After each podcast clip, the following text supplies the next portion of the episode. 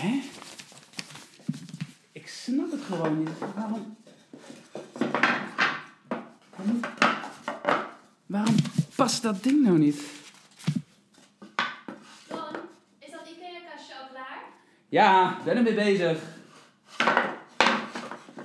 Het is gewoon... Heb je niet het verkeerde plankje, papa? Nee, kijk, ik heb hier, hier staat, hier. Hier heb je het plankje nodig met hier dat gaatje. Alleen dat gaatje zit er niet in. Maar ik snap het. Oh, oh. Oh, nee, oh, oh. oh nee, dat, dat plankje zit helemaal onderop al. Dat zit al helemaal vast. Ja, ik ga niet dat hele ding weer uit elkaar halen. Wacht. Wacht, ik heb een goed idee. Ik maak gewoon een extra gaatje erin. Kijk, ik ga gewoon hier. Papa, ik mag toch niet ik kan hier wel even boren hoor. Daar komt ie. Hupsa. Ah, extra gat erin. Wacht even met dat zaagsel. Aan de kant. Kijk, kijk, kijk, kijk, kijk. Oh, dat is al een stuk beter. Dat is al een stuk beter. Wacht. Oh nee. Ja, nee, nou zit daar een randje. Dat randje, dat moet ook even aan de kant hoor. Ja, maar ik kan hier wel even dit weghalen. Dat is zo weg. Geen probleem. Hupsakee. Kijk eens even. Dat is al een stuk beter.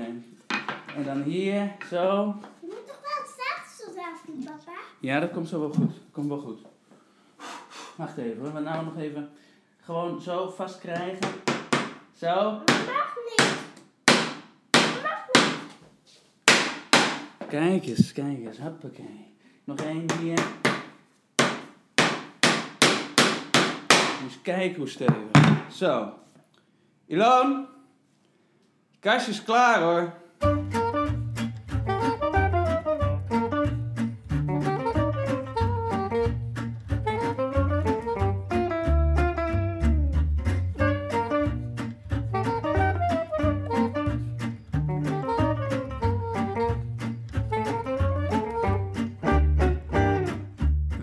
Bij de tweede aflevering van de Anonieme Orang Oetan podcast. Een fantastische podcast over onderwijs met Karen Jong. en Don Zuiderman. En deze aflevering vandaag gaat over maakonderwijs. Don, wat is maakonderwijs eigenlijk?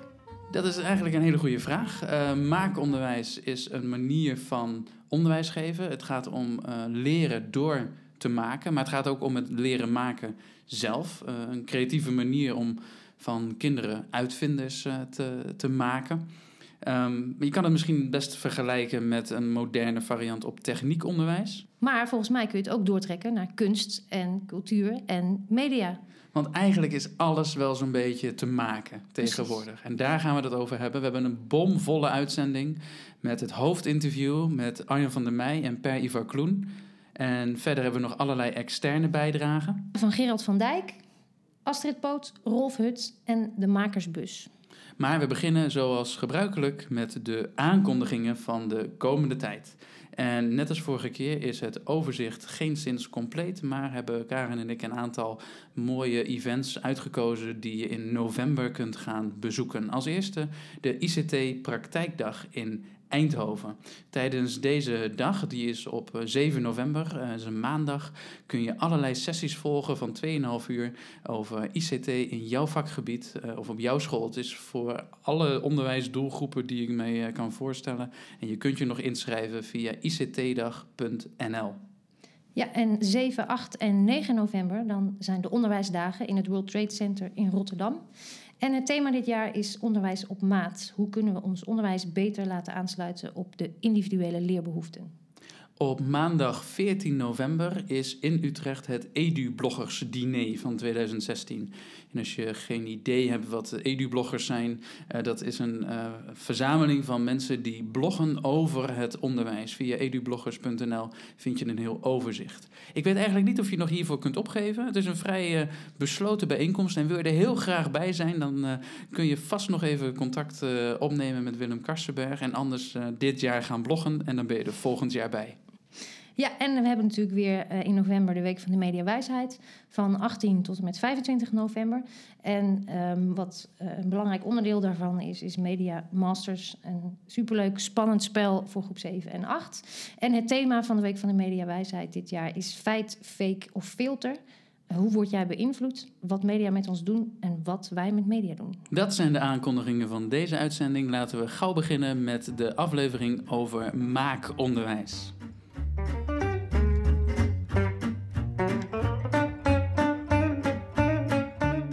Ik heel erg merk, wat ik echt heel bijzonder vind, is dat dat eenvoudige idee van die koffers, dat dat nu door heel veel mensen als een mooi symbool van iets wordt gezien. Dat, dat, dat woord klooien gebruiken mensen heel graag dan.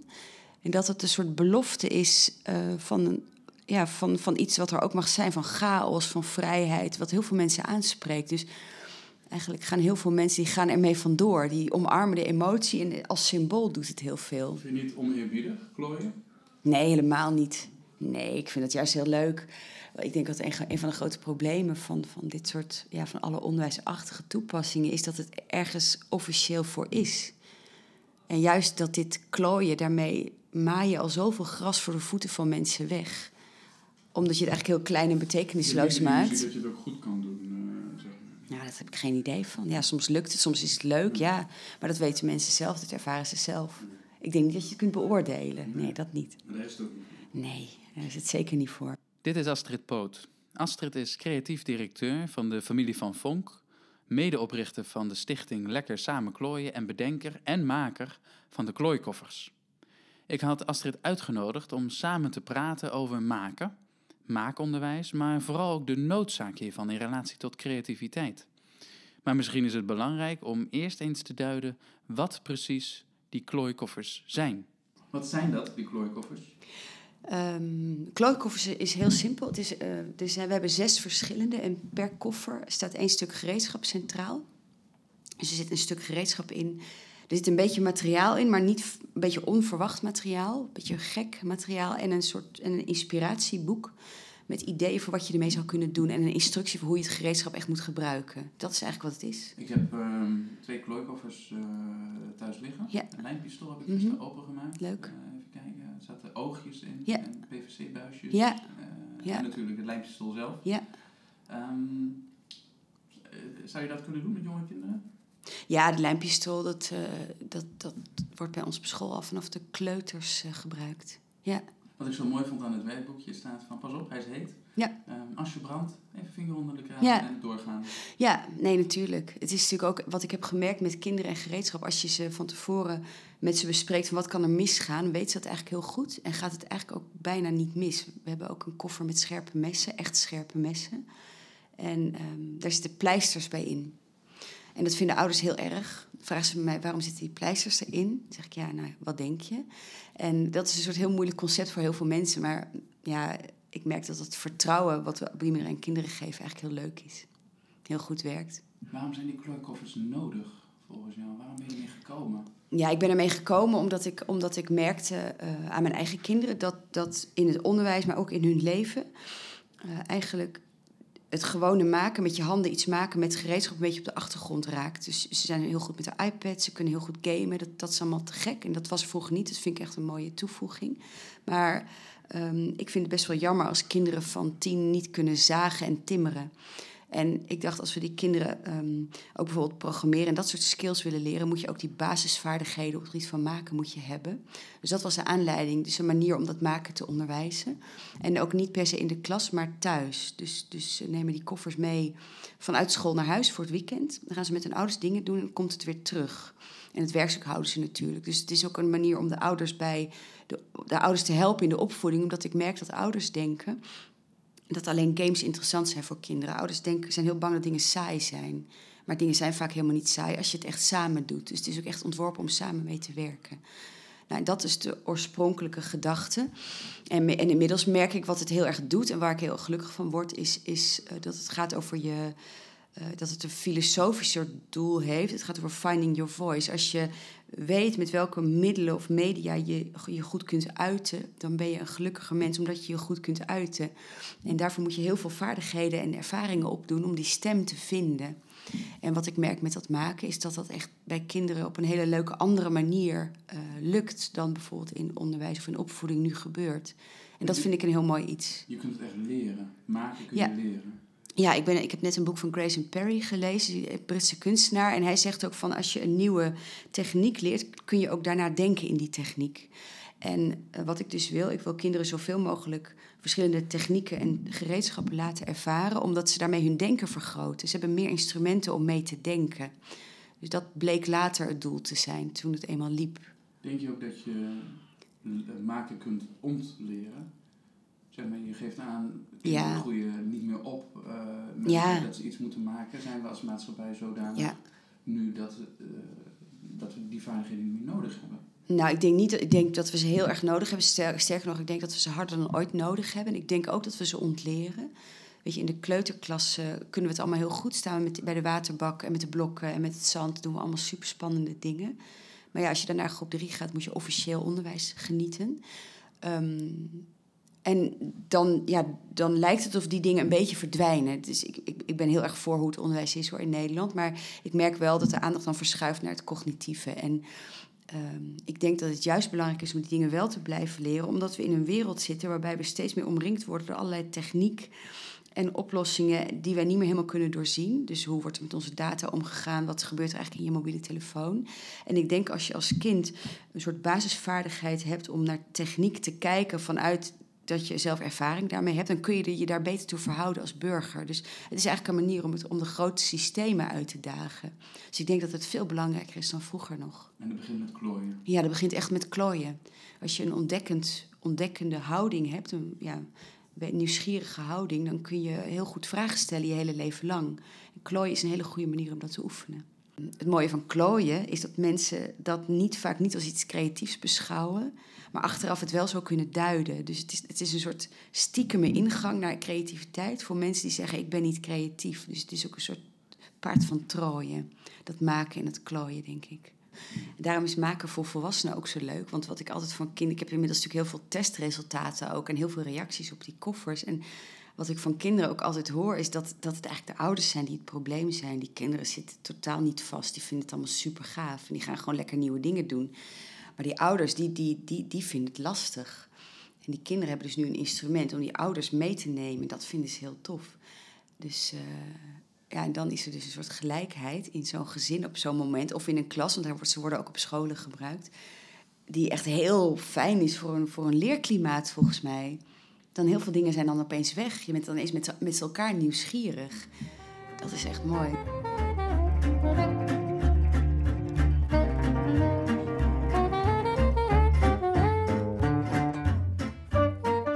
Samen met Karen interviewde ik Arjan van der Meij en Per Ivar Kloen. Beiden zijn leraar op de Populier in Den Haag. Arjan is leraar natuurkunde en Per is leraar biologie. Daarnaast is Arjan kwartiermaker Maker Education en beide zijn ze maker. Of maker. Of maker educator. Al deze termen maken het er niet makkelijker op. Hoe noemen we het nu eigenlijk? Hoe noemen we het? Want ik, ik begon met. Ja. maker education, maker educatie. Ja. Van, ik vind maakonderwijs eigenlijk Ja. gewoon wel heel mooi. Gewoon Ja. een Nederlands woord. Maar wat vinden jullie? ja, ik weet het niet zo goed doen. Ik, vind, eh, ik ben wel voor Nederlandse termen. Dit is Per. Per houdt van de term maakonderwijs. Op zich. Dus ik vind maakonderwijs, dat klinkt wel goed. Ja, dus het enige wat het voordeel is aan, aan maker education of makeronderwijs, maar dat is, dat, dat is een lelijk, woord- lelijk Nederlands woord, is dat het ook wel gaat om makers te maken. En dit is Arjan. Arjan vindt eigenlijk dat de term maakonderwijs te kort doet. En wat het eigenlijk inhoudt. Hè, dus dan maakonderwijs zou je kunnen, kunnen zeggen, dan gaat het over dat je leert dingen maken, maar wij proberen ook makers op te leiden. Is een, een Je wil dat jouw leerlingen makers worden. Ja, dus je noemt het ook in het Engels niet make education, maar echt maker education. Ja. Maar het is subtiel hoor, dat realiseer Dus dat- maakonderwijs, ik denk dat- makeronderwijs. ja, ik denk dat het uiteindelijk maakonderwijs gaat worden. Maar ook daarin zie je ook de hele, het hele nieuwe en spannende en niet, nog niet helder van, van dit soort onderwijs. Het is nog Laten we heel het op kinderschoen. maakonderwijs is versie 1.0 en dan Ja. kijken we weer we hoe het, eh, wel hoe het zich doorontwikkelt. Ja. Wat is maakonderwijs? Oh, een ingewikkelde vraag. maar wel een hele belangrijke vraag. Ja, ehm, ja, dat hangt er vanaf hoe je dat. waar je begint. Maar je zou kunnen beginnen met het feit dat de, ehm, de Maker Movement een jaar of 15 geleden, ehm, 20 geleden begonnen is. Waar mensen eigenlijk weer graag wilden gaan maken. Ehm, niet alles uit China wilden laten komen, maar zelf aan de slag wilden gaan. Het was een beetje verdwenen uit, eh, de hele, in, de, hele wereld. Hè. Mensen eh, om, om zelf weer aan de slag te gaan. Ehm, dat heeft ook te maken natuurlijk met de opkomst van, van internet. Dus eh, dat je verbonden bent over de hele wereld met andere makers. En tegelijkertijd wat er ook gebeurde, is dat allerlei gereedschappen heel, tot je beschikking kwamen op een heel eenvoudige wijze. Maar is het niet al heel oud? Dat hele, ik bedoel, was er niet al een stroming in de jaren 60, 70? Zeker, zeker. Ja, het, Ja. het grote verschil is dat, dat ehm, eh, toen was je overgeleverd aan vakmensen of aan fabrieken. Of dat was, dat was niet op ehm, eh, huishoudenniveau Ja. of op schoolniveau. En dat is nu wel. Op individueel niveau. Dat, dat is wat ik wilde zeggen. De, de, Ja. als, je, als je kijkt naar de, met name naar de, de, de, de apparatuur die beschikbaar is gekomen, dan ehm, zorgt dat ervoor dat, het, dat de afstand tussen wat je bedenkt en wat je eh, maakt veel kleiner is geworden. Als je vroeger een, een, eh, stukje hout moest zagen, moest je nou, een flink aantal uren ehm, oefenen om een mooie rechte zaagsnede te maken. Nu heb je een, hebben wij eh, op school een lasersnijder. En dan hoef je alleen maar een lijntje te tekenen op een computerscherm en zeggen snij je maar. En dan staat hij er ook. En dan, heb je, dan is het, als het dus niet werkt, heeft het niet te maken met je vaardigheden, maar heeft het meer te maken met het feit dat je, dat je het niet goed bedacht hebt. En dat zorgt ervoor dat het dus makkelijker is om te maken. Ja, en, dan, en, en dat, dat, dat ontstond in de wereld, hè, wat je vroeg hoe het dan ontstaan is, of wat het is eigenlijk. En eh, toen zagen veel mensen ook, op een gegeven moment ook de potentie voor het onderwijs. Maar mag ik daar iets op, eh, over vragen? Want jij zegt, je hebt het over het. En eh, kun je het iets meer in de context plaatsen? Eh, want ik kom dan meer van de, kunst- en cultuurhoek. Nou, dat is natuurlijk eigenlijk ook makeronderwijs als je het eh, zo bekijkt. Maar volgens mij hebben jullie het vooral over de techniekkant. Ja. Ja, het is wat je, als, je, als je een definitie wil geven van het maakonderwijs, hè, dat, dat, was ik een beetje naartoe aan het werken, dan zou je kunnen zeggen dat je iets maakt dat werkt. Dat is eigenlijk wat we vaak gebruiken. Iets maakt dat werkt.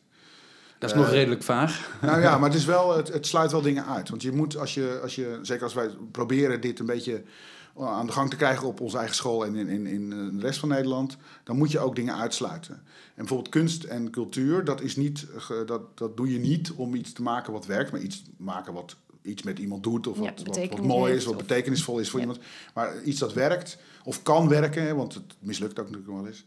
Dat is een definitie die wij hanteren om, eh, om het eh, hanteerbaar ook te houden, eigenlijk. Dus, eh, Gereedschap eigenlijk.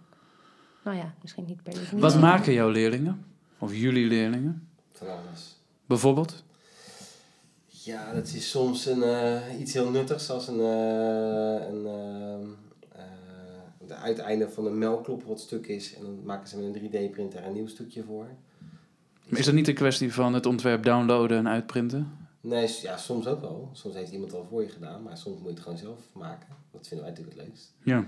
Eh, tot eh, de Infinity Mirror die op, eh op Instructables te vinden is. En dat is niks anders dan een kubus die leuke kleurtjes heeft waar je in kijkt en het lijkt het oneindig door te gaan. Maar dan van alle kanten, wat bij een kubus natuurlijk wel een eh, grappig idee is. Ja, daar kan je niks mee, maar Dat valt dan eigenlijk meer onder kunst. Want wat je daarvoor zei is, is meer functioneel. Ja, maar het werkt wel. het werkt wel. Ja, maar de, Het het heeft- heeft geen echt nut. Nut. Nee. Nee. Nee, nee, daar heb je gelijk in. Ja. Ja. Ja. Maar ze- en soms maken ze... Kijk, eh, eh, eh, het is... eh, maakonderwijs speelt zich af tussen eh, maken wat je echt graag zelf wil maken. En, en zonder ook maar enige ehm, doel soms. En, en ook in ieder geval zonder opdracht. Maar soms is het ook heel erg juist een opdracht. Hè? Want leerlingen maken bij ons ook... ehm automata, moet ik maar als voorbeeld geven. Ja. Dat, zijn, dat zijn apparaten waarbij waar je aan draait. Het is, het is radio, het is lastig om te vertellen, maar waar je aan draait en waardoor andere dingen gaan bewegen. En, ehm, en dan is de opdracht dus wat, wat beperkter, maar de uitvoering is dan wel helemaal aan hen. Dus, dus mooiste is, vind, ik vind het mooiste maakonderwijs als ze echt helemaal zelf mogen bedenken wat ze maken. En dat dan ook op, de, op hun eigen manier uitvoeren. En dat er dan wat werk, waar, wat, eh, iets uitkomt wat werkt. M- Maar dat kan niet altijd. En soms eh, beperk je het om, eh om ervoor nou te doen zorgen dat jullie- het beter gaat. Ja. Nou doen jullie dit vooral aan de bovenbouw, toch? Van de middelbare school? Nee. Brugklas? Op allerlei plekken doen we het. En komen kinderen daaruit? Ik bedoel, lukt het hen? Het lijkt me heel moeilijk als je zegt van je mag alles maken wat je wil Ja. Ja, maken. dat is heel moeilijk. Ja. Dat, eh, dat hebben wij een beetje geleerd, want eh, ik denk de eerste keer dat we dat deden, ehm, eh, ging het mis. Hadden we denk ik een opbrengst van 20% van projecten die lukten. En 80% was eigenlijk zonde van het materiaal. Dus je gaat het dicht timmeren. Of je gaat instructie geven. Nee. Of het lag aan ons, onze begeleiding. Dus wij hebben te veel toegestaan bijvoorbeeld. Hè. Dus de mensen hebben de meest waanzinnige ideeën. Want fantasie, als het eenmaal aangaat, is het niet het probleem. Het is vaak het probleem om... eh, om af te beetje- bakenen. Ja, Juist. Dat, Ja. dat is echt precies waar. Of de kansrijkheid in te schatten. Ook. van eh, je hebt zoveel lessen en dan moet Ja. het af zijn. Ja, het is allemaal, je hebt allemaal te maken met eh, allerlei randvoorwaarden. En, die zijn, eh, en soms is het geld, hè, het, het is soms te duur. En eh, soms is het tijd, dit eh, ga je niet halen. En soms zijn het vaardigheden die, eh, waarvan je denkt, probeert in te schatten, heb je die wel? Maar ook dan vergissen we ons nog steeds. Hè. Er zijn ook voorbeelden van leerlingen die zeggen, ik wil dit maken. En wij zeggen, nou, zou je dat doen? Dat kan je eigenlijk, denk ik niet. En zo zeg je dat, een beetje, je zegt dat vriendelijker, maar zo dat betekent het dan wel. Maar dan toch doorzetten en dan kleine stapjes laten maken. Ik denk aan Victor, hè, die is met zijn Ja. houten fiets. Dat is een duidelijk voorbeeld. Die wilde een houten fiets maken. Nou, als je dat, als je dat hout moet gaan kopen, kost het 150 euro zo. Nee, meer. 200, Paar- paar- paar honderd euro. Ja. Dat ga je niet zomaar laten doen. Maar die heeft elke keer weer bewezen dat hij de volgende stap kon maken. En toen hebben we het uiteindelijk maar gezegd, doe het maar. Als ik daar even op mag inhaken, want ehm, ik las op, volgens mij, Fablab is van jou, Per? Ja. Fabklas, Ja. ja. Eh, daar ging een stukje over een subsidie die hij daarvoor had gekregen. En ehm, eh, daar zei- bij- daarbij zei hij, het enige koopcriterium voor spullen... is dat leerlingen er mooie dingen van maken. Maar ik begrijp eigenlijk uit jouw verhaal dat dat nu dan inmiddels niet meer zo is. Ja, nee, de, het, het is een beetje achterhaald. want Dat is denk ik helemaal van het begin. Ja, Ja, Dus- volgens mij in ja, ja, ja. 2014 of zo. Ja, precies. Ja, zo zijn we begonnen. Ja, Het dat is, eh, het idee. maar het is ook een proces. Elke keer leren we wat. En het gaat hartstikke vaak fout. Eh, grappig genoeg is dat ook hoe, het met maken gaat. Als je zelf iets aan het maken bent, ga je heel vaak eh, denk je van, oh, ik moet het anders doen en ik begin even opnieuw. En Ja. Het maakt het ook kwetsbaar, want we, we hebben geen pasklare oplossing. Hè. Dus we zeggen niet van als je, als je koop, een, koop een boek of zo bij ons en dan kan je daarna een maakonderwijs geven op je eigen school. Je moet, je moet er zelf ook doorheen. Dat zeg ik, dat zeg ik altijd als, ik, als mensen vragen van wat, wat moeten we doen om ook maakonderwijs op onze school ehm, te krijgen. Nou, je, je moet eerst zelf maar een beetje maker worden. Want als je zelf geen maker bent, hoe kan je het dan met die kinderen delen? Het is niet voor iedereen. Mm, Dat wil ik niet zeggen. Ik, nee, ik denk wel dat het voor iedereen zou kunnen zijn. Maar je moet er wel ehm, moeite in stoppen. Het is niet zomaar. De, en, maar dat is met alles zo. Met elke, als, je leraar wil, als je leraar natuurkunde, wat ik van oorsprong ben, wil, wil zijn, heb ik ook flink lang voor moeten studeren. Maar je hebt dus wel bagage nodig.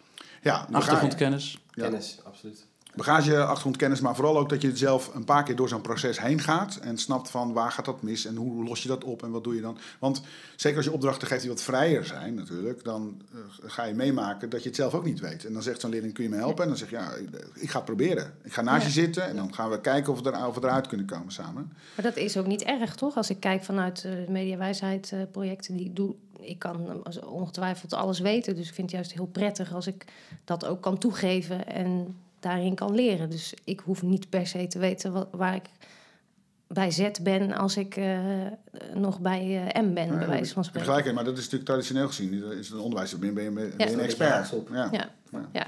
Nou, misschien loop ik een beetje vooruit, maar eh, omdat eh, wat je eigenlijk waar we het net over hadden, is dat jullie zeggen van nou, we in eerste instantie dachten van het hoeft alleen maar mooi te zijn. Eh, nou, daar ben je, zijn jullie een beetje van teruggekomen, maar ehm, heb je dan eh, wel een leerdoel of is je leerdoel ehm, maak iets moois en misschien inmiddels een paar dingen erbij of eh, heb je echt vanuit je vakgebied eh, een paar leerdoelen waarvan je zegt die moeten er echt in Allemaal. Alles wat je zegt, dat vind ik interessant. Dus Ja. we hebben, ik, heb, ik heb opdrachten waar gewoon heel helder leerdoelen in zitten. En die we gaan halen. Ik heb opdrachten waar ehm, het wat vrijer is. Waar je dus meer op metaniveau denkt. Van nou oké, dat is handig als ze een beetje doorzettingsvermogen, dat soort dingen. En je hebt opdrachten waarin ze gewoon maken wat ze maken willen. En daar komt eigenlijk alles een beetje in samen. Dus ik, ik doe op alle niveaus daar wel wat in, maar het is niet altijd met een vooropgezet plan. Het is ook heel vaak dat ik ergens aan begin wat ik het interessant vind en dan komen er eigenlijk hele andere dingen uit dan dat ik van tevoren had gedacht. Dus het geeft mij ook weer een. Ja, het is gewoon zo'n feedback loopje ook. Gewoon met, eh, met- in mijn normale les heb je, heb je dit heel vaak gehad en is het heel erg gestroomlijnd. En juist omdat je hier niet weet wat er gaat gebeuren, ben je een soort elke keer op je voorvoeten van wat, wat, ja, wat, doen die leerlingen, hoe reageren ze erop? En dat- evalueer je dat dan ook? En zeg Ja. je dan van, nou, ik vind toch eigenlijk dat er te weinig van Ja. dit of dat in zit? En, Ja, en eh, soms als ik het alleen doe is het lastig. Maar ik doe het wel met leerlingen altijd. Altijd met leerlingen, eh, vaak met een enquête en vaak nog even napraten. En ehm, eh, ze delen ook naar elkaar toe en ze oordelen elkaar ook vaak. Dus dan luister ik gewoon af. Eigenlijk een beetje een smerige truc, maar dat, dat doe ik wel. ja, heel handig, Eh, toch? Jawel. Dit, ja. haakt wel heel erg aan. Ik had eh, eh, Astrid Poot ook gevraagd van, eh, hebben jullie nog, heb je nog een mooie vraag voor, eh, voor jullie? Ja. En zij zei van, eh, even hier bekijken hoor. Hoe kun je het succes meten van maken? Hoe kun je, is het meetbaar? En moet je het willen meten? Dat vroeg ze eigenlijk eh, zichzelf ook af. Ja. En, en, en wat meet je dan? Meet je dan wat iemand kan? Of meet je persoonlijke groei? Of meet je creativiteit of iets? ja. Jeetje, ja. Ja, kan ik wel iets, daar worstel ik ook heel erg mee, aan dit soort dingen. Kijk, wat, wij, wat we zien is die motivatie vaak heel hoog is. Weet je wel? Dus dat, dat, eh, dat is iets om blij van te worden. En dat is niet per se wat ik wil meten. Want door de motivatie leren ze. En dat is wat we uiteindelijk vaak meten. Dat is uiteindelijk ook bij mij op school waar het om gaat. Hè. Je kan zeggen, eh, ze, leren heel veel vaardigheden die niet gemeten worden. Dat is uitstekend op school. Maar er is ook een, een, eindexamen. En dat moet ook gehaald worden. Hè. Dus dat, zijn twee doelen die heel helder zijn. Ehm, eh, maar ik probeer die, met die maakopdracht ben ik wel op zoek naar het een beetje inzichtelijk te maken. Dus wat ik nu doe, is soms een leerdoel in een soort matrix uitzetten tegen een vaardigheid. Kun je een voorbeeld geven? Ja, ik, eh, ik heb een, een, opdracht, dan moeten ze een onderzoek doen. Dat zit in een grote opdracht, wat we met, met de kunstsectie samen doen. En daar moeten ze de school onderzoeken. En ehm, daar moeten ze Scratch gebruiken. De Programmeertaal, ja. En eh, ze moeten een onderzoek presenteren in Scratch. En eh, er zitten wat criteria in. En als je eh, dat gebruikt binnen Scratch, dan krijg je extra punten extra, enzovoort. Een schaal van 5. En eh, hoe, hoe goed het onderzoek overkomt, hè, dus hoe goed de informatie wordt gedragen, dat is een andere as met een puntenschaal van 5. Is het helemaal super duidelijk? Is het een beetje duidelijk? Enzovoort. Dus probeer ik die twee tegen elkaar te zetten en dan scoren de leerlingen elkaar op. Een beetje op een vaardigheid van het maken en op informatie. En zo heb ik allerlei variaties met, die, met, met de assen die tegen elkaar zet. En dan, die leerlingen pikken het heel goed op. En ik doe het met mijn collega kunst, hebben we ook de projecten zo beoordeeld. En hebben we expres natuurlijk apart gedaan. Dan hebben we wel de methodiek samen doorgesproken. We zullen het zo doen, nou, dat is goed. En dat hebben we gedaan. En we kwamen eigenlijk tot op een half punt af en toe, maar meestal op hetzelfde cijfer uit. Dus dat is wel interessant. Wel ook af en toe dat we de accenten iets anders leggen, maar het eindproduct kwamen we toch op hetzelfde cijfer. Dus holistisch gesproken heb je toch als expert een soort gevoel van dit is ongeveer voldoende of Ja, en, ruim en- voldoende. En je spreekt een soort taal of waar je op, op gaat letten met elkaar. En er gebeuren natuurlijk allerlei andere dingen die je niet meet. Maar je spreekt al wel met leerlingen van tevoren af. Ja. Hier gaan we het eh, over hebben. Dan niks. zou je ook een nul- en een eindmeting kunnen doen. Ja. Ja, zeker. Nou ja, wat, wat, Ja. wij, wat we nu wel merken is dat er heel veel van dit soort vragen eh, natuurlijk al heel lang bestaan binnen de kunstwereld. En dus zoeken wij nu ook steeds meer eh, aansluiting binnen school nu. Met de docenten die, die, die daar verstand van hebben. En dat blijkt goed te werken. Ehm, de worsteling blijft hoor. Het is, het is altijd moeilijk om, om cijfers Ja. verhouden zich niet helemaal met wat, daar, wat er eigenlijk gebeurt. Wat je, Wat je ziet- je ziet groei. Maar ik, ik, kijk, als je gaat, wil meten of het werkt of, dat, of, er- of er mooie dingen gebeuren, dan kijk ik naar de leerlingen die wij afleveren en die in mijn optiek eh, gegroeid zijn van, van eh, eh, beter geworden zijn in maken, maar ook beter geworden zijn in zichzelf presenteren. Het is ook vaak voor, voor kinderen die een beetje vergeten zijn, denk ik, afgelopen jaren in het onderwijs. Leerlingen die graag met hun handen werken, maar graag met hun handen leren. Dus op school heb je allerlei soorten groepjes, maar dit zijn leerlingen die, een beetje, die waren we een beetje kwijt. En die geven we nu ruimte en tijd om dat te doen. En dan gebeuren er echt schitterende, vind ik, schitterende dingen. Het voorbeeld wat Per net gaf over leerlingen die iets maken eh, wat bijna kunst is. Die, die kubus met die, met die ledjes erin. Dat staat dan, eh, wordt 20.000 keer bekeken op Instructables, een hele belangrijke site. Dat wordt, daar, daar komen allemaal conversaties onder in het Engels waar ze met elkaar eh, waar ze praten met mensen uit de Verenigde Staten die iets vragen erover. Dat gaat allemaal heel vloeiend. Dat, dat, dat maakt deze jongens eh, groot. Hè? De eh, grote, stoere jongens die iets kunnen. Zijn het allemaal jongens? Nou, in dit geval waren het twee jongens. Nee, de, de- in de- op de plekken waar wij maken zijn eh, de gewone klassen, dat, die zijn natuurlijk sowieso gemengd. Maar ook de plekken waar ze mogen kiezen of ze mee gaan doen of niet mee gaan doen, is het nou, iets meer jongens dan meisjes. Maar laten we zeggen 40% meisjes en 60% jongens.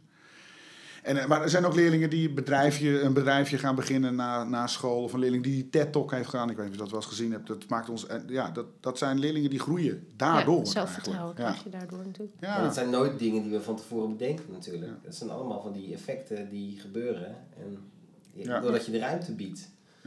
Maar het verhoudt zich soms lastig met de, Ja. met de dagelijkse schoolpraktijk van, van cijfers en eindtermen. Ja. Maar wij zoeken, wij zijn heel voorzichtig en tegelijkertijd enthousiast aan het zoeken naar plekken waar dat kan. En dat steeds meer plekken komt het. En we durven het ook steeds beter. Dat is ook Ja. het loslaten Precies, natuurlijk. ja. Het probleem is, wij, waren in, wij waren in de Verenigde Staten bij een school die ver, ver is in, met maken. High Tech High in San Diego, een bekende school. Ehm, wij mochten daar gewoon rondlopen. We, we waren, zijn er op studiereis eh, geweest en we mochten rondlopen en met, een, met een leerling. En eh, we vroegen onder andere ook, hoe zit het nou met de leerdoelen? Want jullie maken van alles, maar haal je dan alles? Nou, zeiden ze heel stiekem, doen we altijd aan het einde van elke module nog een paar lessen even frontaal lesgeven om de laatste doelen die we niet gehaald hebben dan toch nog maar te halen. Ja, ik, vond, het- ik vond het eerlijk gezegd een, alle- een van de allermooiste momenten van ons bezoek. Omdat je, je ziet een soort van Walhalla. Het, was een pracht, het is een prachtige school met ongelooflijk gave docenten, met schitterende dingen. En echt, daar word je echt blij van als je daar naartoe eh, eh, mag gaan. Maar, maar het is, dit maakte het wel echt. En, en, en dacht ik ook van, ah fuck, ze hebben ook ons, ze hebben precies, Precies, dezelfde problemen. Ja. Als waar wij mee worstelen. En, eh, en, kennelijk, ik denk ook niet dat je door maken alles kan vervangen. Dat, dat, zou, eh, Nee. dat kan helemaal niet. Het gaat veel te langzaam. En, en, je, en je, je mist een doel omdat die kinderen een andere weg aanslaan dan jij van tevoren hebt bedacht. Maar eh, ja, wat, ik er schitter, wat ik er echt schitterend aan vind, is dat je leerlingen ziet groot worden en eh, vaardig. En, de- en, en een beetje, dat ze de wereld een beetje beter kunnen maken. Want dat is natuurlijk wat we allemaal willen. Hè? We willen allemaal dat, dat, ze de, dat ze de wereld beter wordt. En dat, dat kunnen ze dan. Hebben ze gewoon een nieuwe, een nieuw handvat voor, een nieuwe vaardigheid voor. Nu, had je, nu werken jullie allebei in het voortgezet onderwijs. Ja. En ik zag laatst, eh, deelde jij ook een artikel, eh, Arjan, over kunnen basisscholen hier ook mee aan de slag. Ja. Even kijken, de exacte titel van dat, dat artikel is The Maker Movement is Coming to K-12, basisscholen. Ja, ja. Can schools get it right? Ja. En ehm, hoe kijken jullie daar tegenaan? Eh, ik weet niet in hoeverre jullie expertise ligt in het basisonderwijs, maar ehm, nou, bijvoorbeeld natuurlijk het initiatief van, van Astrid met die klooikoffers, waarmee je eigenlijk al vanaf de kleuterleeftijd kunt gaan maken. Ehm, zijn er volgens mij zeker aanknopingspunten. Maar tegelijkertijd, en dat is een nevenvraag eh, die ik hier aan wil koppelen, dat, ehm, ik geef les op een lerarenopleiding. Mhm. Dus dat betekent, ik moet studenten opleiden om hiermee op te gaan. Ehm, wat moet een gewone leerkracht in huis hebben om maakonderwijs op een school vorm te geven? En wat vraagt het dan weer van de lerarenopleider die die leerkracht moet Ja. opleiden? Ja. Weet je. Heb je zelf wel eens gemaakt, Don? Heb je, eh, Ik knutsel een beetje, maar ik ben niet echt een maker, merk ik. en wat, wat doe je dan? Dat vind ik wel... Nou, ik probeer al die dingen uit die, die, die, die, Ja, ja. die langskomen. Van, eh, met, met een Raspberry Pi eh, een, beetje, een beetje klooien, met, eh, met Scratch een beetje klooien. En, ehm, ik maak podcasts. Eh, Ik merk dat ik vooral op het digitale vlak veel van knutselen hou. Photoshoppen, video editen, dat eh, vind ik allemaal En jij leuk. noemt jezelf geen maker. Ja, Ja. apart. Ja, Ja, opvallend. ja. Je, wil, je, je, denkt dat maken altijd fysiek is, eigenlijk. Of niet? Nee, ik denk dat het en-en is. Ja. Maar net als bij, bij, bij mediawijsheid heb je het vaak over de traditionele media. eh, terwijl de meeste mensen bij mediawijsheid meteen denken aan sociale media en, en de risico's en gevaren op internet. Zo denk ik ook bij maakonderwijs heb je de traditionele makerdingen. eh van, van kun, je, eh, kun je stoel in elkaar timmeren. Maar ook kun je met al die digitale tools dingen ontwerpen en zo. Ja. Nee, dat is lastig. Het is wel een ingewikkelde vraag. Dus het, eh, Ja, Nou, de vraag ja, is dus eigenlijk ja. van, ja, wat vraagt het van een leerkracht? Zeg dat een leerkracht... Want je zegt van, eh, je, moet het, je moet het sowieso proberen, zei je Ja. eh, eh, eerst. Volgens mij heb je ook echt een hele berg aan zooi nodig. Ja. Want anders kun je niks maken. het Je helpt weet, wel, het helpt zeker. Ja. Gelegenheid bij gelegenheid, ja. Subsidie. Nou, weet je, dat, dat ehm, het beeld wat iedereen wel kent is dat eh, zo rond Vaderdag eh, eh, die, dat klaslokaal verandert in een soort fabriekje. Je kent dat, hè? Ik bedoel, dus al diezelfde asbakjes. En, oh, vroeger was dat. Ja, Ja, dat ik kreeg, ik kreeg, een parkeers, ik kreeg twee identieke parkeerschijven. Ja, ja, eh, dat, je- dat- nee, precies dat. Nou, en, en volgens mij wat daarachter zit, is dat, dat je graag een goed product wil eh, afleveren. En dat je papa gelukkig wil maken of mama gelukkig wil maken. Dat is natuurlijk een, een uitstekende reden. Maar wat, wat er aan ontbreekt, is het idee van het kind. Eh, dat is vaak heel beperkt. Een paar kleurtjes of zo, of eh, misschien een beetje versieren. Maar wat je maakt, dat ligt vast. En ik denk dat daar de essentie zit. Volgens mij moet je kinderen hun eigen idee, ruimte bieden om hun eigen idee vorm te geven. En eh, als ze een eigen idee hebben, dan wordt het een verhaal en dan wordt het misschien niet zo goed product. Want dat hoor ik ook van Astrid vaak terug. Dat die kinderen dan naar huis gaan met iets wat Ja. eh, volstrekt onherkenbaar is. En dan gaat het kind vertellen. En dan... Ja, dat is wat Hester IJsseling ook zegt. Ja, Hester, Hester, ja. Hester IJsseling die zei, eh, eh, het- ze was heel bezorgd, want ze had dus een- zo'n les gegeven, maakles. En de kinderen hadden allemaal dingen gemaakt waarvan je nauwelijks kon zien wat het was. Van, en en ja, dan, dan gaan ze daarmee naar huis. Wat zullen die ouders zeggen? Dat, Maar het is hun ding. het is hun ding. En wat Per zegt, ze hadden een verhaal erbij. En ze kreeg daarna juist enthousiaste reacties van, de- hier is iets gebeurd. En is dat ook niet een beetje inherent aan wat je net vertelt? Is dat we in het onderwijs ehm, eigenlijk gewend zijn om eh, van A naar Z te gaan en te weten Ja. waar we eindigen, vast te houden aan de methode. Ehm, eigenlijk eh, misschien stiekem controlfreak zijn. Dat we Nou ja, dat het wordt, niet los je, dat durven wordt ook een beetje van je gevraagd. Hè? Dat, zo, zo zit het onderwijs in elkaar. En ik ben, ik ben, ik ben, geen, ik ben eh, eigenlijk voor het systeem dat we hebben. We hebben een prachtig systeem. Met, met, eh, schitterende kinderen leveren we af. eh, en eh, we doen het ontzettend goed. Allemaal lezen en schrijven. we kunnen, ze kunnen fantastisch lezen, schrijven, rekenen. En het- als je kijkt naar alle, alle metingen op wereldniveau, doen wij het fantastisch. We hebben de gelukkigste kinderen van de, van de hele wereld, vergis je niet. UNICEF heeft dat onderzocht. Dat al een paar jaar achter elkaar in Nederland zijn de gelukkigste kinderen. Het enige wat ze niet graag doen is naar school gaan. Dat vinden ze niet leuk. Nou ja, daar, daar kan maken heel erg voor bij helpen. Wij zien motivatie is, dat durf ik echt keihard te zeggen. Maken zorgt voor motivatie bij veel kinderen die dat leuk vinden. Maar niet bij alle kinderen. Eh, nou, we, er zijn heel weinig kinderen die aan, daaraan ontkomen. Wij hebben wel leerlingen gehad die zeiden: Wij kunnen niks, we willen niks, we vinden dit stom. En ze moesten toch, dat was dan, hè, want ze zitten in die klas en wij hebben die opdracht bedacht. En we hebben ze wat meer geholpen. We hebben gezocht naar waar, waar gaat je hartje dan wat harder van tikken. En wat blijkt, dan uiteindelijk staan ze heel trots hun appara eh, apparaten. Of, of een- wat, dit was dan, eh, ze hadden iets gemaakt met die pop, weet je wel. Met. Eh, met 3D-printen organen en, en, en scratch erbij. Nou, fantastisch. En, en ze staan daar trots naast. En dat waren die kinderen die eerst zeiden: wat, wat- Dit gaan we niet doen. Nee, dat geloof, ik geloof ook hoor. Ik, niet dat, eh, het is niet zo dat wij vinden dat eh, iedereen maar eh, de rest van zijn leven maker moet worden. Maar je moet er wel mee in aanraking komen. En het zit volgens mij ook wel echt hardwired in, in de mens.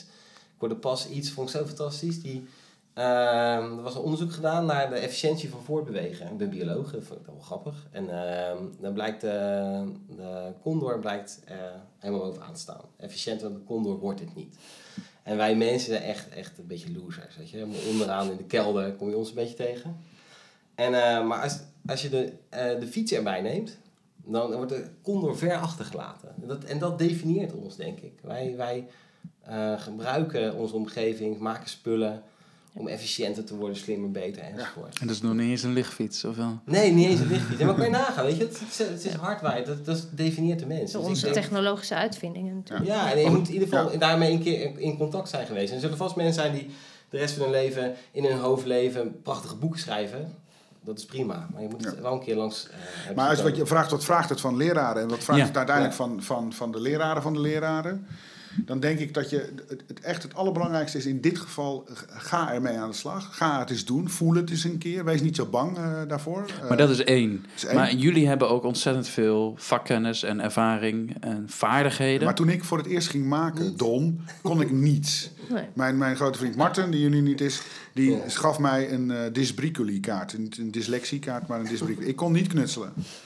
En nu, eh, bij- voel- als, ik, als mensen vragen wie voelt zich hier een maker, ben ik echt een maker. Ik voel me daar heel... eh, En wat dus- doe je in de klas als kinderen aan de slag moeten? Geef je nog instructie? Of laat je ze klooien?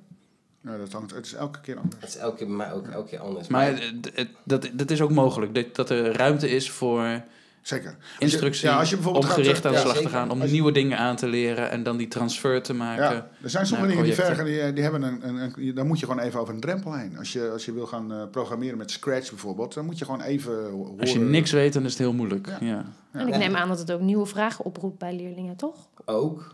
En, ik, en, ik, en ik ben wel nu zo, ja, is het eh, zelfvertrouwen? Ik weet het niet, maar ik betrek mijn leerlingen ook steeds meer in het prototype wat ik doe, zeg maar. Dus ze maken ze steeds meer deelgenoot van het proces. Hè. Waar ik voorheen, dan ging ik zelf klooien en dan had ik alles een beetje gezien. En denk, nou, dan kan ik het klaslokaal in. Tegenwoordig pak ik een groep waar ik denk dat dat kan. Vorig jaar was dat 5, 6 VWO. En eh, wilde ik gewoon kijken wat ze met programmeren kunnen. En eh daar begin ik gewoon. En dan zeg ik, jongens, eh, dit is het idee. We moeten samen daar, daar terechtkomen. Ik heb jullie hulp nodig. Eh, ik heb dit bedacht. Zullen we het gaan proberen? Oké, gaan we proberen. En dan zijn we continu met elkaar in gesprek van waar lukt het wel, waar lukt het niet, waar, waar mis je eigenlijk instructie. En voor de volgende groep weet ik nu, oké, daar moet ik ingrijpen, daar heb ik instructie voor gemaakt. Oké, dat lukt, enzovoort. Dus ik ben ook niet meer zo bang om eh, niet de perfecte les af te leveren en het proces ook. Want eigenlijk is altijd met onderwijs eigenlijk altijd wel zo, gek genoeg. Ik laat over nadenken, weet je En wel. hoeveel maken die kinderen bij jullie? Is dat een uur in de week, een jaar lang? Of?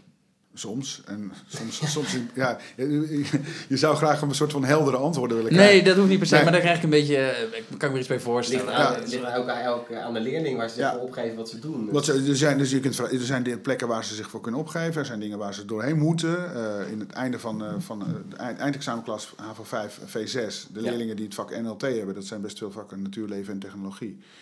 Die moeten allemaal er doorheen. Die, hebben allemaal, die gaan allemaal een keer eh, aan het maken. Ook in de, de, de klassen daarvoor doen, ze- eh, Ja. moeten ze al die leerlingen dat doen. Eh, maar dat is dan drie uur in de week. Maar niet het hele jaar door. Dat is dan modulevorm. Maar sommige leerlingen die, die, die, ja, die komen het veel vaker tegen. We hebben leerlingen, we geven science bij ons en daar komt ook steeds meer dat maken in. En nou, dat is elke week drie uur. Dus er zijn, er zijn heel veel routes. Er zijn leerlingen bij ons die echt wel veel gemaakt hebben als ze aan het eindexamen doen. Er zijn ook leerlingen die hebben nog nooit iets gemaakt. Nee, je kan ermee wegkomen. Je kunt, Ja, ja, zeker. eh, Ja, je kunt, eh, ja. Frans En je kan kiezen. ervoor kiezen ja, ja, ja. ja. Je kunt er eh, langs. Hoewel, niet helemaal. Steeds meer kom je op een gegeven moment in de onderbouw. Hè, daar gaat iedereen een keer langs. Ga je, ga je toch wat kleine maakopdrachtjes. Want ik vind echt oprecht, Per zegt het goed, niet elk kind hoeft maker te worden. Maar ik vind wel dat elk kind maker zou moeten kunnen worden. Dat is subtiel. We hadden het net eh, over de vaardigheden van een docent. Ehm, zijn er vaardigheden van leerlingen waarvan jullie zeggen van nou, die vielen eigenlijk een beetje tegen, dat hadden we anders verwacht. En andersom vaardigheden waar ze goed in zijn, die jullie in de praktijk tegenkomen? Dat is een goede vraag. Zien wel eens. Nou, maar het lastige is dat het bij de, de- ook, da- ook daar is een heel, moet ik een genuanceerd antwoord geven. De, de ene leerling kan wat meer dan de andere leerling. Doorzettingsvermogen is misschien iets wat je nog, waar we nog wat aan, wat aan zouden kunnen werken. Het wordt nog wel snel opgegeven. Ja. En, maar dat, dat snap je eigenlijk ook wel. Dat is ook wel een beetje de wereld tegenwoordig. Alles moet snel en je wordt snel afgeleid. Dus focus en ik denk focus en Dat doorzettingsvermogen. is een van de dingen die Phil Baggy eh, heel belangrijk vindt. Die eh, Ja. in computingonderwijs in, eh, in Groot-Brittannië aanzwengelt, zeg maar. Die heeft het ook over resilience. Ja, Ja. Eh, dat dat zo belangrijk ja. is. En ik herken het ook bij, bij, bij Ja. HBO-studenten. Dat zodra iets niet lukt, dan gaan ze achterover zitten Ja. en helpen, het lukt niet. Veerkracht. En, ja. Ja. en dat doorzettingsvermogen, Ja. dat, eh, dat is lastig aanleren volgens Ja. mij. Zeker. Nou ja, nou, frustratiemanagement is het Ja. eigenlijk. Want dat hoort erbij, toch? Die, Ja. die frustratiefase van... Ja, nee, zeker. En Zeker niet alleen bij maken, hè? Dat het ook Nee, dat- En sterker nog, en, sterker nog we, we, we zeggen, wij gunnen het de leerlingen. Dat klinkt misschien raar, maar we gaan het iets, eh, niet uit de weg. Nee. We zien soms die hobbels wel aankomen, maar dat laten we gebeuren. Ja. Maar de truc is een beetje om eh, in te schatten. Dat is gewoon frustratiemanagement, ja. Ja. Dat, is ook, dat, ben ik, dat ben ik zelf heel erg aan het leren. Waar, waar moet ik wel ingrijpen, waar niet. Dat was interessant, want met, met kunst... Ik, ben, ik was heel erg geneigd om, eh, om eh, juist op die vaardigheden van het maken te gaan zitten. Hè. Dus dan ze hebben een idee, oké, daar bleef ik van af. Ja, dan, eh, ja, als het een heel dom idee was of heel duur enzovoort, dan greep ik in. Maar daar blijf ik van af. En daarna gaan we gewoon zorgen dat het idee echt werd. Maar mijn eh, kunstcollega ging heel erg zitten vroeten in dat idee. En, eh, en hij wilde dat zichtbaar hebben. Wat, wat heb je dan gedacht? En enzovoort. En daar zat heel veel, veel, veel meer waarde in. Ja, en dat, precies gewoon in het eerste ontwerp. Eh, Ja. Om daarin te gaan zitten, zitten vroeten met, met leerlingen. Ik vond het een soort heiligschennis in het begin. Als dat niet goed staat, dan Ja, is de weg ernaartoe eigenlijk al voor heel mij was lastig. dat een soort eh, openbaring dat je daar ook in kan eh, voeten. Ja, en daar ja. kan je dus heel veel doen in verwachting ook. Want als daar, die, dat wat je zegt is goed. Als daar allemaal, voor mensen van, die een kunstachtergrond hebben is dat heel helder. Ja, voor een bioloog niet. Dus het was voor mij echt heel verhelderend om in dat, in dat eerste stuk met kinderen veel meer te gaan zitten. Want ik, ja, ik wil die kinderen zoveel mogelijk intact laten. Ik denk dat stom. Is dat een woord, kan ik dat gebruiken? Ja. Zoveel mogelijk uit die hoofd van die kinderen blijven, zeg maar. Ja. Maar ik weet nu ook dat er heel veel waarde zit in, in het daar vroeten en goed zetten. Om dan die frustratie later wat kle- kleiner te krijgen. Het is eh, een heel positief verhaal eh, tot nu toe. Eh, ook genuanceerd eh, af en toe. Nee, dat geeft niet. maar eh, ik had het enigszins zien aankomen. En ik heb ehm, eh, een collega van mij, Gerald eh, van Dijk, uh, lerarenopleider techniek, gevraagd of hij een kritische noot wilde inspreken over maakonderwijs. En ik wil dat graag aan jullie laten luisteren. Het duurt vijf en een halve minuut. En dan hebben we daarna nog even tijd om daarop te reageren.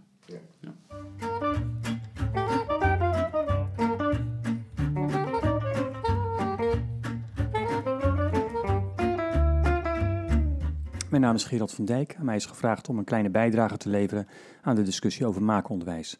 Laat ik voorafstellen, ik ben daar best enthousiast over, maar ik wil het graag wel een beetje nuanceren. Mijn enthousiasme komt voort uit het belang wat uh, techniekonderwijs wat mij betreft uh, heeft.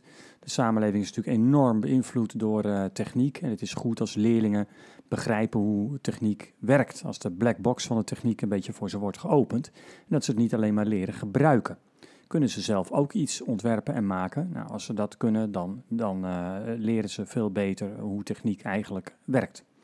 Maakonderwijs past denk ik heel goed in deze tijd door de nadruk op creativiteit, probleemoplossen, zelfstandigheid, gebruik van ICT, innovatieve technologieën, maar ook het gebruik van eenvoudige materialen en gereedschappen. En wat ik ook sterk vind, Samenwerken is vaak een natuurlijk onderdeel uh, van maakonderwijs. Het zit zelfs op een hele aantrekkelijke manier ingebouwd in de leeromgeving. Bijvoorbeeld in een programmeertaal als uh, Scratch of SketchUp kunnen leerlingen heel makkelijk samenwerken met leerlingen van andere scholen bijvoorbeeld. Uh, maar laat ik eens ingaan op de valkuilen. Wat leren leerlingen nou eigenlijk binnen maakonderwijs? Kijk, onderwijstijd is schaars, dus uh, daar moeten we heel zorgvuldig mee omgaan. En als leerlingen nou leren over digitale elektronica, bijvoorbeeld met little, bits, bepaalde vormen van maakonderwijs, leren ze dan ook over input en output, uh, technische systemen, de namen van schakelingen, theorie over sensoren. Wordt er gebruik gemaakt van kennis uit de natuurkunde, natuurkunde en scheikunde? Welke kennis is dat dan? Ja, in kringen, kringen van maakonderwijs denkt men natuurlijk dat de leerlingen er heel veel van leren. Sommige makers die beweren zelfs dat leerlingen er burgerschap van leren. Is dat allemaal waar? Er is in Nederland en daarbuiten ook al een tijd nagedacht door groepen docenten, onderzoekers en andere deskundigen over de gewenste inhoud van techniekonderwijs en natuurwetenschappelijk onderwijs, zowel voor het primair als voortgezet onderwijs. En bijvoorbeeld in techniekonderwijs wordt het vaak van belang gevonden dat leerlingen niet alleen uh, iets maken, maar ook iets leren ontwerpen. Dan wordt geprobeerd om in de behoeften van een gebruiker van het uh, product te voorzien. Maar in uh, maakonderwijs worden veel producten gemaakt die gewoon leuk zijn, maar die verder niet zo'n doel dienen, uh, waarbij de gebruiker soms eigenlijk nauwelijks in beeld is. Dat roept bij mij wel wat vragen op. Enkele grondleggers van maakonderwijs die stellen dat we in het reguliere onderwijs veel te veel ingrijpen in het leerproces van leerlingen, dat we ze te veel informatie geven.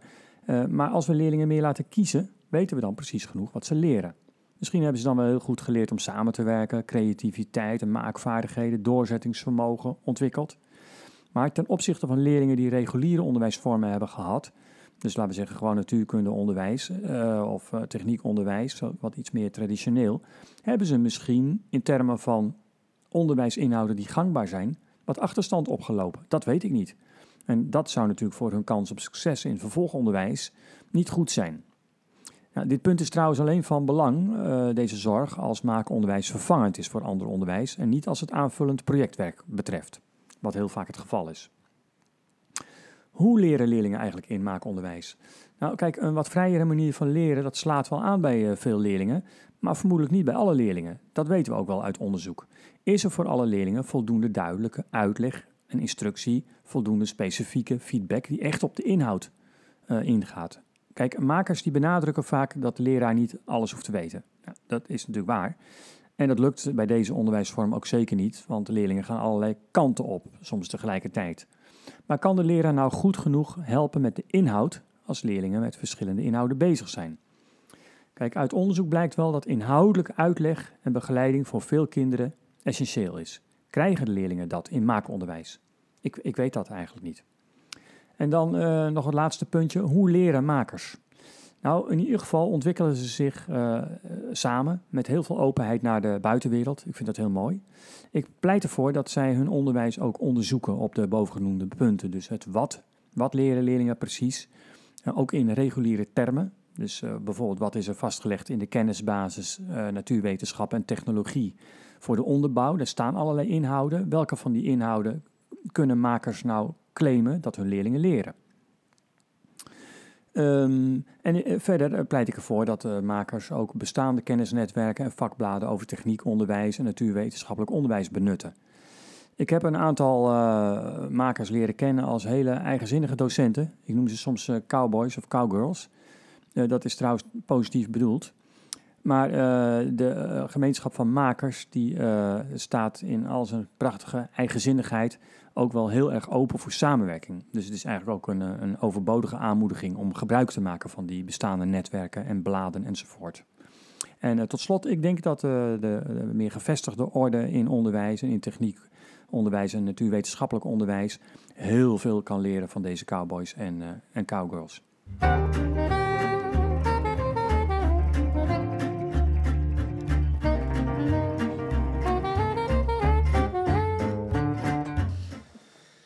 Dat zijn nogal wat vragen. Kanonnen zeg. Ja, beantwoord ze alsjeblieft allemaal. nou, um, tot hoe laat hebben we deze? Hij heeft uh, aardig wat dingen genoemd. Even, ik heb de drie punten even uitgehaald. Ja, graag. Hij zegt, uh, ten eerste vraagt hij van, is er eigenlijk wel een transfer van vaardigheden? Ze, ze leren misschien werken met little bits, noemt hij, maar leer je daardoor ook met input-output werken? Uh, is er een directe transfer van... Dat is ook kennis, hè? eigenlijk niet over vaardigheden in dit geval. Ja, ja. ja. dat is één. Twee, uh, in maakonderwijs worden veel producten gemaakt die gewoon leuk zijn. En dat is leuk, maar is dat niet zonde van onderwijs, onderwijstijd? Dat is het tweede ding wat hij noemt. En drie, de cowboy-didactiek. Uh, uit onderzoek blijkt dat inhoudelijke uitleg en begeleiding voor veel kinderen essentieel is. En krijgen kinderen dat wel? Nou, hebben we het al even over gehad. Maar dat zijn volgens mij de drie grote kritiekpunten die hij uh, noemt. Hoe, hoe kijken jullie daar tegenaan? Nou, die eerste moet Arjan denk ik doen, want die, uh, die heeft als natuurkundige ook wat een en ander geleerd.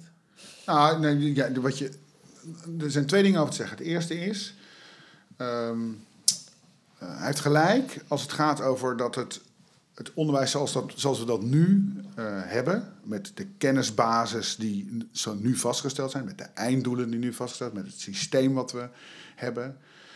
Um, verreweg het efficiëntst uh, uh, wordt doorlopen op het moment dat je dat gewoon vertelt met een af en toe een proefje en af en toe eens een dingetje.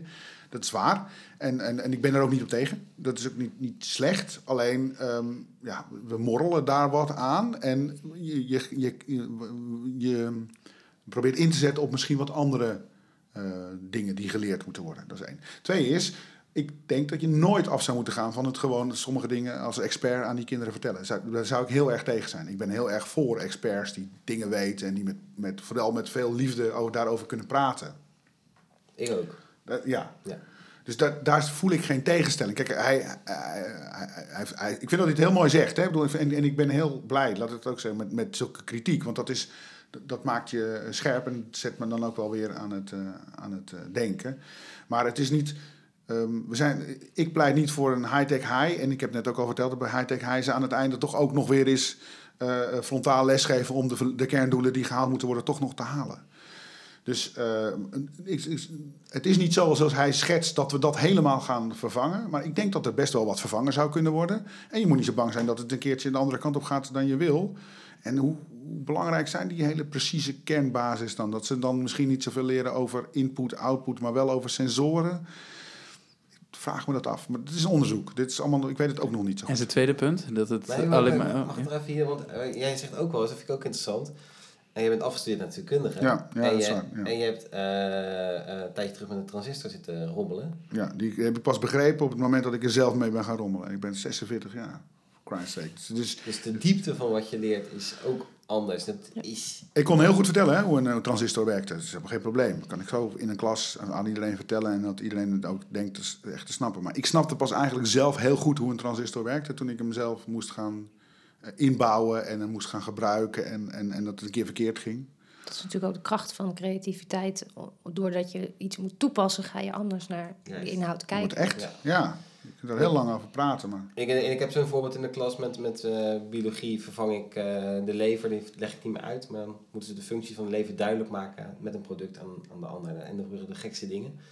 Van handpop en animaties tot eh, elektro enzovoort. En ik heb gewoon dat onderzocht. Ik heb gewoon de, de, de toetsen eh, bekeken en de, en de opdrachten. En dat vergeleken met voorgaande jaren. Is misschien niet supergoed onderzoek, maar meer had ik niet. En je ziet dat ze het duidelijk beter doen. Alleen, het kost vijf keer zoveel tijd. Maar je doorleeft het. Ja, en misschien is het dat wel. Misschien is het... eh, het is een heel goed punt, vind ik. Maar misschien moeten we eh, eens kijken. Het, is natuurlijk altijd, het zijn natuurlijk altijd de... het is altijd arbitrair, hè, wat je belangrijk vindt als maatschappij enzovoort. Maar misschien moeten we elkaar, met elkaar afspreken wat, wat, wat de knooppunten zijn. En daar misschien het een beetje inzetten als het, als het meer aan doelen gebonden is. Ja. Ja, nee, dus ik, ik, dus het is, Ik weet het is niet zeker, Nee, nee. Het, het is allemaal zo... Het, het geeft zoveel mogelijkheden. En misschien is dat ook wel. Ik, ga, ik probeer echt al die mogelijkheden af te gaan. En misschien kom ik dadelijk... eh, Het is ja, nog, eh, ik wel anders. Ja, en het is dus jong. Dat is wat Ja. je moet realiseren. Het, grappig genoeg is het dus, eh, zoals, het, zoals het nu zich aandient, eh, jong. Terwijl er natuurlijk inderdaad al heel veel maakonderwijs gegeven wordt. Maar met name voor leerlingen die normaal gesproken alleen vooral met hun hoofd eh, werken. eh, is het, eh, eh, ja, is het, weten we het gewoon niet, nog niet precies. Ja, en ik, ik vind dat niet erg. Ik vind het eigenlijk wel leuk. Misschien is dat ook wel het cowboy gedeelte, het, het pioniersgedeelte, de, de, de, de new frontier. Hè? Dat we daar naartoe gaan. Ehm, ja. Maar het zou, het zou heel goed zijn als we daar gewoon wat systematisch naar kijken. Maar hij zegt zelf eh, dat je ook je eigen eh, onderwijs eh, onderzoekt. Ik doe dat houtje touwtje. En, en ik doe dat in mijn klaslokaal. Ik bespreek dat met leerlingen. En dat, dat is genoeg waarde voor mij. Maar het zou ook, als we het systematisch aanpakken, dat zou ik heel graag willen. Dus ik, het- wat mij betreft is dit ook een oproep naar eh, eh, een universiteit of een aantal universiteiten hier in eh, Nederland. Om dit op te pakken. We hebben een fantastisch netwerk. We, Ja. we kennen Maar, ja, mensen. precies, ja. Ik wil er twee dingen over zeggen. Het eerste is dat, dat eh, als platform Maker Education, waar we vorig jaar natuurlijk heel erg geprobeerd hebben dat, dit op allerlei plekken te krijgen, hebben we ook echt een hoeveelheid geld gereserveerd voor onderzoek. En dat Ja, is maar ook- daar hebben we het nog niet over Ja. gehad. Eh, Heel even, ik wil het ook nog hebben over Platform Maker Education, maar heel even naar de, de bijdrage nog van Ja, Gerald. sorry, ja. Want volgens mij impliciet wel besproken. Eh, we hebben het er gehad over, mm, je maakt niet alleen maar producten die gewoon leuk zijn. Eh, Niet alleen maar, nee. Maar ook. Ja. Het gebeurt ook. En Ja. dan werk je aan andere vaardigheden, werk je aan andere dingen. Je hebt in ieder geval eigenheid, eigendom, Ja. eh, gevoel.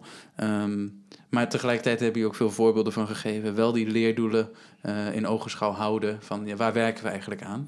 En de laatste wat hij noemde, die cowboy-didactiek, hebben we het ook over gehad. Hè? Er is ook ruimte voor instructie. Er is, eh, eh, maar je differentieert veel meer, eh, misschien wel, in de klas. Ja. Dus, eh, is, is, is dat Het een inherent ge- gedifferentieerd. Ja. Ze maken allemaal wat anders. Ja. En, en, eh, het is Maar dat ook- betekent ook dat jij overal wat anders doet met alle ja, kinderen. En dat kost ontzettend veel energie. En, en het liefst heb je ook meer mensen, dat is ook een valkuil, meer, meer mensen daarbij. Als je met 30 leerlingen in je eentje eh, langs al die kinderen moet om, om, om ze vragen te beantwoorden, dat kan eigenlijk niet. Dus, en wij, wij hebben een fantastisch team, het is, dus allerlei docenten en TOA's, eh, Ja. laat ik die vooral ook even noemen. Die bij ons ongelooflijk eh, goed helpen. En die kinderen ook helpen op het moment dat we er niet uitkomen. Heel, heel- goed op technisch gebied bijvoorbeeld. Ehm, en, en, maar dat, ja, ook daar proberen we van alles om, om, ervoor- om het goed te krijgen. Maar het is... Ja, ik vind cowboy didactiek vind ik eigenlijk een prachtige term. Dus die ga ik ook houden. Ja, Eh, ik, we eh, doen het cowboy didactiek. Het is een beetje stoer. En, eh, cow- cowboys en cowgirls, zei die heel politiek correct. Ja. Goed Gerard. Absoluut. Ja, maar dat je, dat je, dat je, nou ja, dat zijn wel mensen die iets proberen ergens willen, willen komen. En dat mislukt ook wel eens. En dan loop je tegen de Indianen aan. Ik weet niet waar dit beeld eindigt, maar En ik gebruik ook wel leerling, moet ik ook nog wel zeggen. Dus eh, die, daar, zit ook kennis. Zeker met pro- pro- Precies, programmeren. ja. Ja. Ja. Daar kan je ook vaak gebruik van maken. En wil ik het tot slot nog hebben over Platform Maker Education. Ja. Dat is vorig jaar gestart, eh, volgens mij. Wat is dat? Ja, Platform Maker Education eh, is in feite spontaan ontstaan eh, bij een bijeenkomst waar eh, plotseling allerlei mensen waren die met eh, maken en leren bezig waren. En ehm, het gevoel hadden dat we dat niet moesten laten lopen. En eh, er is een soort samenwerkingsverband gekomen tussen, eh, ehm, nou, formeel tussen de Waag in Amsterdam, ehm Vriesklap in, eh, in Friesland en de Populier. Omdat daar kennelijk de mensen zaten die het verst mee waren. En we hebben vorig jaar een, eh, een bedrag gekregen van de minister om daar wat mee te gaan doen. En een deel van dat bedrag is bijvoorbeeld gegaan naar onderzoek. Omdat we dat ook belangrijk vinden. Omdat nou ja, dat, je uitzoekt hoe het nou echt werkt. En dat is nog maar, we zijn nog maar net begonnen. Ehm, maar ook een flink deel is gegaan naar ehm, ehm, vouchers voor scholen en docenten om eh, te leren in FabLabs. Dat zijn plekken waar je ook kunt maken. Wat nou maker, onder- wat maken is en wat, het, wat je kunt doen. En er konden mensen ingehuurd worden voor, dat, voor een bedrag. En dat, stelden wij, dat geld stelden wij dan beschikbaar. Er zijn eh, veel bijeen- bijeenkomsten geweest van mensen die er nu al mee bezig eh, zijn in het land. Drie eh, for- formele. Ehm, waarbij we lesmateriaal hebben uitgewisseld en met elkaar gesproken hebben over wat de beste manier is. Heel kritisch ook. Dus hele grappige bijeenkomsten waar ook zulke, verhalen als Gerard vertelt ook naar voren komen van hoe doe je dat nou, waarom doe je dat nou en, dit is niet goed. Heel, heel ook heftig soms, en Ja. heel goed. Eh dus lesmateriaal eh, ontwikkeld en op een website. eh, Maar het is gezet. vooral ook de bedoeling om dit hele eh, maakonderwijs of maker education, om dat gewoon veel, veel te verspreiden in Nederland. Ja. Dat is eigenlijk het doel, of Ja. niet? Evangelisten zijn wij. Van Ja. klaslokaal naar klaslokaal. Dat is een beetje wat we proberen. In één school per keer, zeg maar. En dan Ja, komen ja. we er wel. Daarom gaat het langzaam. Ja. Nou, dat, dat, kijk, dat is strategie. En dat is het minst interessant om altijd over te praten. Maar je, kijk, klaslokaal naar klaslokaal lukt heel goed. Maar er zijn ontstellend veel klaslokalen in Nederland. Hè, Wat, wat, is het? 600 middelbare scholen en 7000 eh, basisscholen zo ongeveer. Als je dan, en dan nou hebben ze nog heel veel klaslokalen per school. Dus als je dat wil gaan doen, dat is heel erg eh, zwaar. Dus we moeten ook bovenover. Dus vandaar dat het ook goed is om een podcast te doen. Maar ook goed om erover te schrijven en om over, over te publiceren. Dat doen we ook. Maar wat we wel zien is dat het het meest effectief is als je het een keer meemaakt. Als je een keer bij ons langskomt, als je een keer een workshop volgt, als je een keer nou, ook een lezing eh, luistert, hoewel dat het minst effectief is. Beter is om het zelf toch mee aan de slag te gaan. Ehm, en we proberen we mensen te overtuigen om dat te gaan doen. En dat lukt soms, maar het- we hadden het er al eerder, eerder over. Het vergt ook wat van je als, als leraar. Als je dit wil, dan moet je wat gaan doen. Kan niet zomaar. Het is niet zo, we nemen dat af en we nemen een methode en we zeggen, ga jij het maar doen. Dat kan niet. Je moet je er aan, aan overgeven. Uit je comfortzone Zeker. komen. Mag ik nog een laatste vraag stellen? Eh, we hebben het net even kort aangestipt, maar misschien dat het mooi past ehm, ehm, bij dit initiatief. En misschien is het ook wel eh, een niet te beantwoorden vraag, maar als je diep in je hart kijkt, jij Arjan en jij Per, waar zou maakonderwijs dan naartoe moeten gaan? Ja, voor mij is het helder. Wel, is eh, een goed te beantwoorden vraag. Ik zou vinden dat er op elke school en bijna in elk lokaal een plek zou moeten zijn waar leerlingen kunnen maken. En waar, dat hoeven ze dan niet te doen, maar ze krijgen de gelegenheid. Als een, voor mij is het eigenlijk als een soort extra manier om je uit te drukken. Om een verhaal te vertellen, om, om jezelf te laten zien. En eh, als, als er op elke school een makerspace is, en dat hoeft helemaal niet geavanceerd te zijn, een, een, een berg karton in een, in een kleuterklas en een, en, een, en een paar scharen en een paar pleisters is genoeg. En misschien als je eh, eh, aan het eind van de middelbare school, dan hoort daar misschien wel eens een keer een lasersnijder erbij. Maar alles is mogelijk. Maar vooral dat ze een plek krijgen om dat te kunnen doen. En dan zul je zien, dan zul, je echt zien, daar geloof ik echt eh, helemaal in, dat er veel leerlingen gebruik van gaan maken. Ja, Arjen zegt precies goed wat mij betreft. Ik heb er niet echt veel op aan te vullen.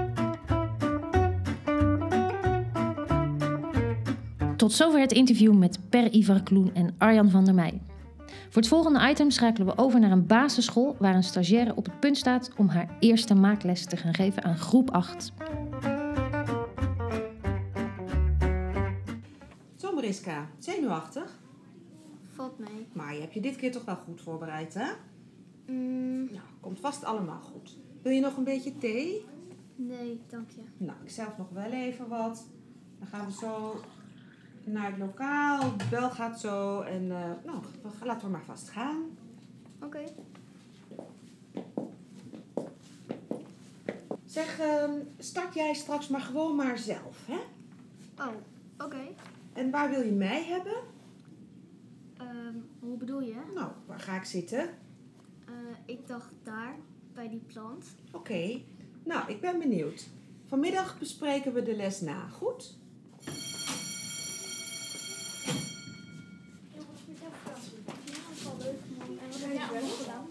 Ja, ik, ik ging net zwembad.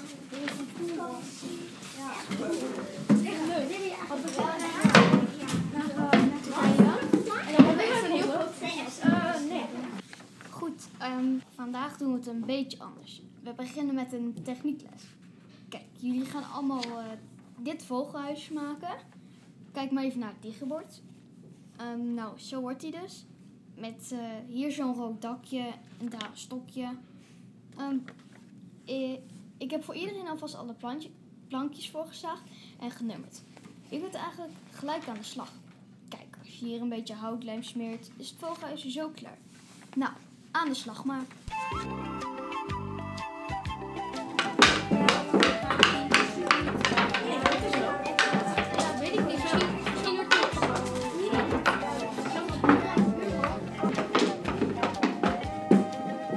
Juf, mijn plankje is door de midden gebroken.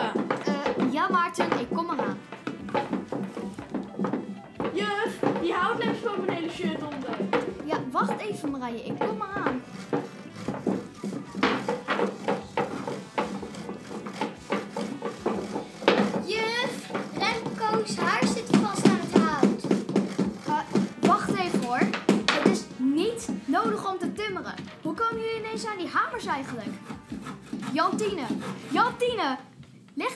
Eens weg. Echt, je hoeft alleen maar te lijmen. Het is ontzettend simpel. Je hoeft niet eens bij na te denken. Maak gewoon allemaal precies hetzelfde huisje. Remco zit nog steeds vast, juf. Ik kom, ik kom. Juf, mag ik ook het spijkerpistool gebruiken? Wat? Juf, ik snap er echt helemaal niks meer van. Juf, Leon heeft mijn plankje afgepakt.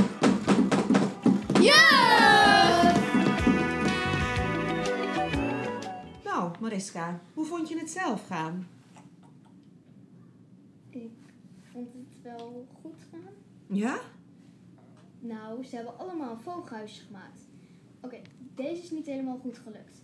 Het deurtje zit aan de verkeerde kant en er zit bloed op het dak. Maar die is van Frankie. Frankie is altijd een beetje... Ja, ja, ja, maar, maar jij bent dus wel tevreden over hoe het ging? Ehm, ja, op zich wel. Ho- hoezo? Was het niet goed? Deze sketch is op locatie opgenomen bij Montessori School aan de basis in Veenendaal. De leerlingen werden gespeeld door Nedin, Nieke, Roos, Max, Faya en Amber. De stagiaire werd gespeeld door Charity uit groep 8 en de leerkracht door Justine Pardoen.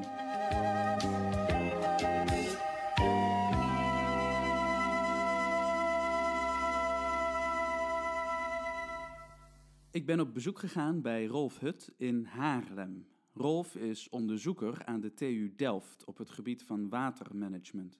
En daarnaast houdt hij zich bezig met het maken van allerlei dingen. Hij doet veel activiteiten om te laten zien dat techniek overal is en voor iedereen is. En Rolf bespreekt drie van zijn eigen maakprojecten voor jong en oud. En als eerst legt hij zijn maakproject uit voor jonge kinderen.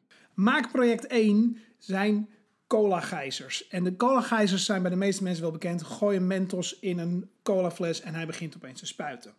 Wat kan je er dan nog aan maken? Nou, wat je kan maken is een mechanisme om ervoor te zorgen dat hij op commando gaat spuiten. Ik heb dit beschreven in mijn nieuwe boek Knotsgekke Surprises voor iedereen.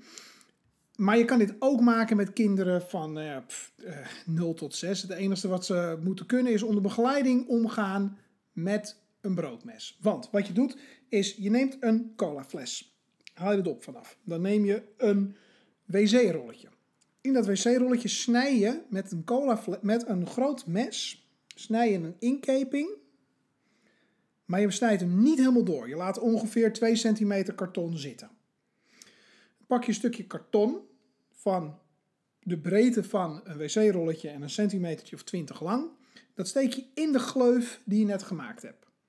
Daarna plak je met een stukje plakband of duct tape plak je de overkant dicht. Nu heb je dus een bodempje gemaakt in het wc-rolletje. Je zet het wc-rolletje zet je over de colafles heen. En daarna leg je drie of vier mentosjes op het stukje karton wat je net in het wc-rolletje geschoven hebt. Als je er een hele mooie surprise van maakt, kan je hem op dit moment versieren. In mijn boek beschrijf ik dat je dit kan doen om bijvoorbeeld een gijzerlandschap te maken van papier maché of iets anders. En dan zorg je dat de fles precies onder de plek zit waar de gijzer zit. Als je dat te veel gedoe vindt, kan je het ook gewoon als fontein gebruiken. Want zodra je het kartonnetje wegtrekt, vallen de mentosjes in de fles en zal de cola als één grote schuimfontein makkelijk 3-4 meter hoog spuiten. Dat was één. Straks vertelt Rolf verder over zijn andere twee maakprojecten. Maar eerst hebben we een item over de makersbus van Cubis. Op een warme septemberdag interviewde Don Lonneke Jans.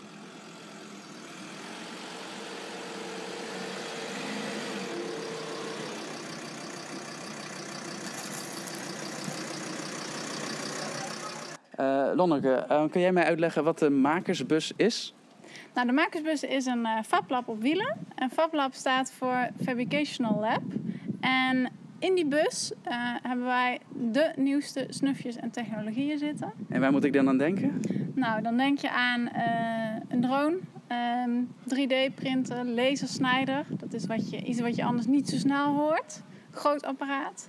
Maar ook allerlei robotjes, ehm, film- en fotografiemogelijkheden, van alles. Dus kijk je in de bus? Jazeker, Ja? we gaan erin.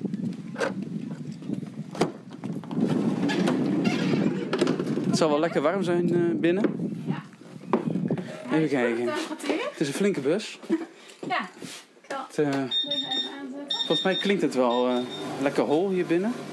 Ja. En Dit is de lasercutter, wat je net zei. Ja, En wat doet hij? lasersnijder inderdaad. Lasersnijder, wat doet hij? Ja, ik vraag altijd aan kinderen, stel ik ook altijd vraag, waar ken je een laser van? Nou, van een laserlampje bijvoorbeeld. Deze is een keer of ehm, duizend zo sterk als een laserlampje. Maar wat doet hij? En hij snijdt door materiaal heen. Dus als je een plaatje hout inlegt en je maakt een ontwerpje, dan snijdt hij dat met lijnen. eh daar brandt hij eigenlijk doorheen. Oké, dus daar kun je van alles mee maken in feite. daar kun je van en je hebt maken. ook 3D-printers, de Ultimaker 2 zag ik eh, staan. Ultimaker to go. Dat is weer een kleine variant of zo Ja, dat voor is in je handtas. go. Ja, voor ongeveer in je handtas. Iets groter. Want er is beperkte ruimte in zo'n eh, zo'n bus. Wat kun je hier allemaal maken in die bus? Nou, ehm, je kunt hier eigenlijk alles wat je... eh, in feite alles wat je bedenkt, kun je met de apparatuur die we hier hebben, kun je maken. Ehm, we beginnen dan met een ontwerpje. Vaak eerst 2D op papier. Een ontwerpje wat je maakt. En dan daarna zet je dat om naar of een 3D-ontwerp of naar iets wat die apparaten begrijpen. Eh, dus je programmeert in het juiste programma, zet je het erin. Eh, en dan maak je dat met behulp van die lasersnijder, 3D-printers of een vinylplotter die hier ook in staat. Sorry, en wat? Een vinylplotter. En dat is een apparaat wat eh, door een rol eh, plastic of stickermateriaal heen snijdt met een klein mesje. Hij plot, hij snijdt met een klein mesje. Maar eigenlijk alles staat dus in het teken van ontwerpend leren. Nou, dat is eigenlijk één van de vier thema's. Eh, het staat sowieso inderdaad in de zin- ehm, een teken van ontwerpend leren, maar het maken, wat we net zeiden, is één van de vier thema's van de bus. Want de andere drie zijn programmeren, spel en media. Dus eigenlijk de naam makersbus is, eh, doet, doet geen recht aan, eh, aan wat jullie allemaal kunnen hier. eh. Ja, je begint, je start ergens mee. En toen was het vooral teken van maken, twee, tweeënhalf jaar geleden. En ondertussen zie je dat juist ook naar programmeren hoor je natuurlijk overal terugkomen. Ehm, is belangrijk. Ehm, maar ook dat media, het zelf maken, het mediawijs daarmee omgaan, hoe je dat kunt manipuleren ook zelf. Oké, dus je kan van alles maken in de meest brede zin van het woord in feite. En jullie rijden rond, eh, maar niet door heel Nederland, toch? Klopt dat? Wij rijden voornamelijk door Brabant heen. Ehm, gaan we naar eh, basisscholen, voortgezet onderwijs. Eh, de laatste tijd ook een aantal keer ehm, kinderdagverblijven. Dus de allerkleinste. En voornamelijk in Brabant, omdat wij eh, deels gefinancierd worden door de provincie Noord-Brabant. Maar de bus kan overal heen rijden, rijdt door heel Nederland. Dus ik kan jullie ehm, boeken, zeg maar, voor een bepaald evenement en dan kunnen jullie er naartoe komen. Wat zijn jullie concurrenten eigenlijk? Want dit soort initiatieven zijn volgens mij ook nog op andere plekken. Ja, klopt. Ehm Friesklap in Friesland eh, was de eerste. En ehm, nu heb je ook de WOI in provincie Gelderland-Overijssel. Laatst hoorde ik ook over een boot. Eh, Een maakboot? Ja, maar daar heb ik eigenlijk, weet ik eigenlijk nog niet heel precies waar en hoe en wat. Moet ik me voorstellen van, we gaan met z'n allen in de boot. Halverwege trekken we eh, de stop eruit. En als je de boot maakt, dan komen we veilig thuis of zo. Ja, dat idee. eh, maak een stop en eh, 3D printen. Wat zijn de reacties een beetje van kinderen? Nou, de reacties van kinderen zijn altijd heel enthousiast. Ehm, maar het mooie wat daar ook bij zit, is dat kinderen iets ontdekken waarvan ze eerst nog niet wisten dat het überhaupt bestond of dat ze het leuk vonden.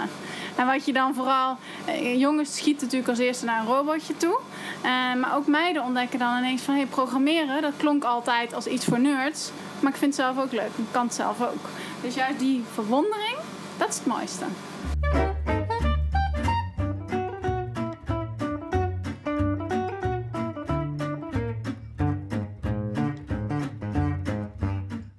Maakproject 2.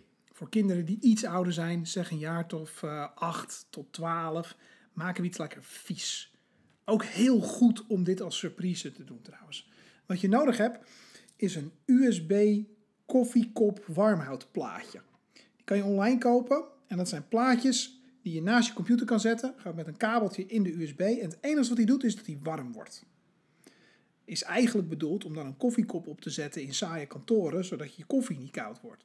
Maar gebruik hem hier ergens anders. Wat je namelijk doet, is je neemt een halve voetbal of een halve kom en daar maak je gelatine in. Water en gelatine oplossen volgens de verpakking, misschien een beetje vloeistof erin doen. En als je dat heel handig doet, dan kan je daar prachtige hersenen van maken, van gelatine. Gelatine is eigenlijk gewoon drillpudding. Het grappige aan gelatine is, als je het ook maar een klein beetje warm maakt, gaat het smelten. Dus we maken hersenen van gelatine en we verstoppen het USB warmhoutplaatje in een mooi zelfgemaakt bord. Dan verstoppen we een powerbank, zo'n USB-batterij, in het bord. Dan zetten we de hersenen op het bord. Dan geven we het aan iemand. En vlak voordat we het geven, doen we even de USB-kabel van het warmhoutplaatje in de powerbank. Op het moment dat je het voor, voor iemand zet, zullen de hersenen als een drap over zijn bord heen smelten en van tafel aflopen.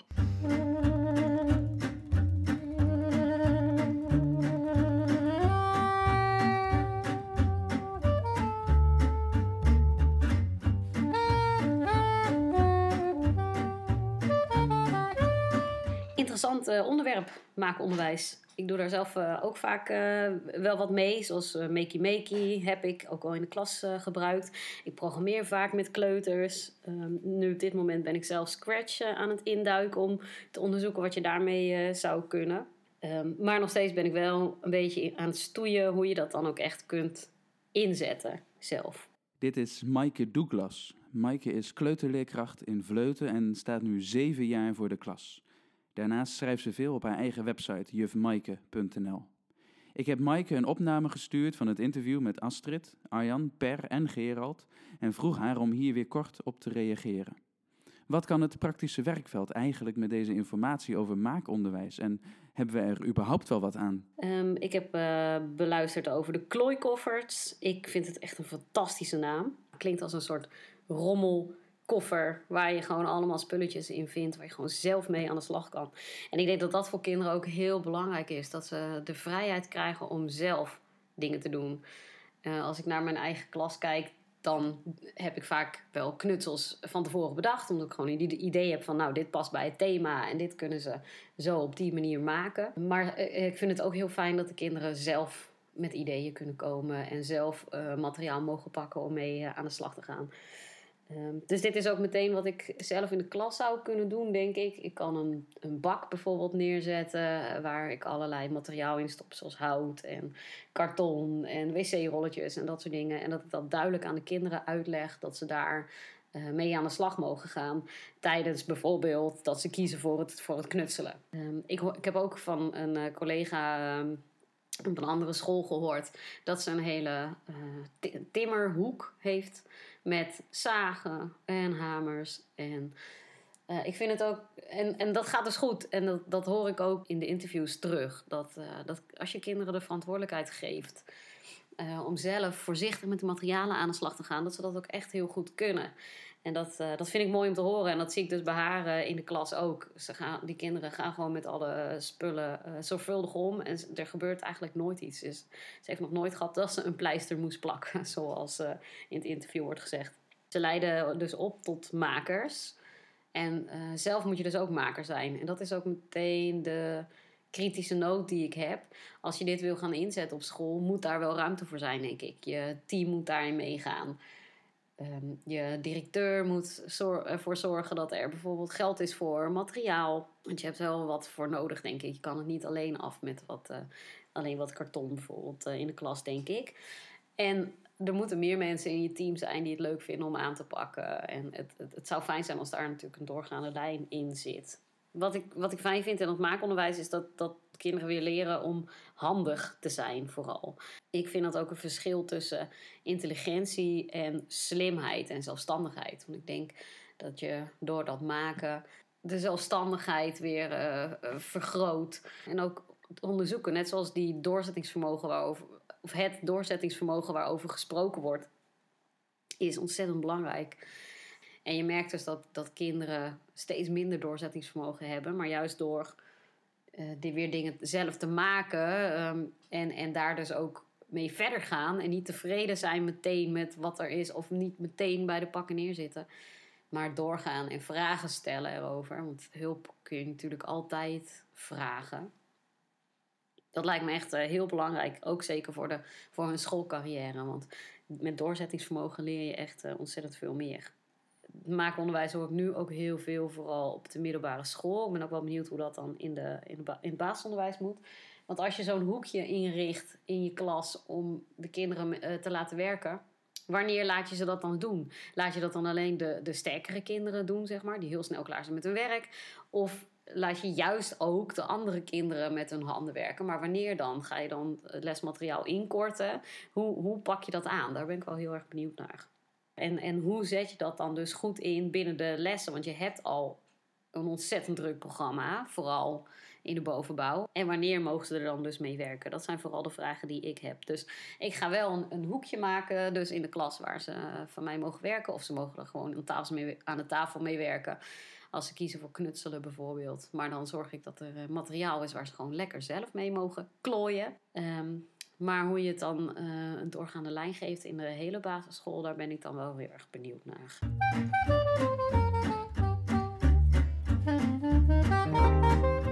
Maakproject 3. Ledstrip longboard. Ideaal voor iedereen die al weet wat een ledje is. Vanaf een jaar of twaalf, denk ik. Wat ik namelijk gedaan heb, is ik heb mijn longboard, wat op zich al een heel mooie uitvinding is, koeler gemaakt door er ledstrips tegenaan te plakken. En dan niet van die ledstrips die gewoon aan of uit zijn, maar ledstrips waarbij je elk individueel ledje zelf kan programmeren. Kan je dus hele mooie patronen langs laten lopen. Nou kan je dat gewoon aan of uitzetten met een of ander showpatroon. Maar ik heb ervoor gekozen om het patroon wat langs mijn, langs mijn bord loopt, met precies de snelheid te laten lopen waarmee ik rij. Dan lijkt het namelijk net als ik in het donker door de stad rij, alsof de lichtjes stilstaan en ik er elke keer langs rij. Maar dan moet je natuurlijk wel weten hoe hard je rijdt. Dus daarom heb ik magneetjes in een van de wielen van mijn longboard geplakt. Sensor ernaast, een beetje net als zoals je op een racefiets doet. Twee Arduino's onder het bord verstopt. En een dikke powerbank eronder verstopt om alles van stroom te voorzien. En als je naar rolfhut.nl gaat, kan je daar een link vinden hoe je dit zelf kan maken.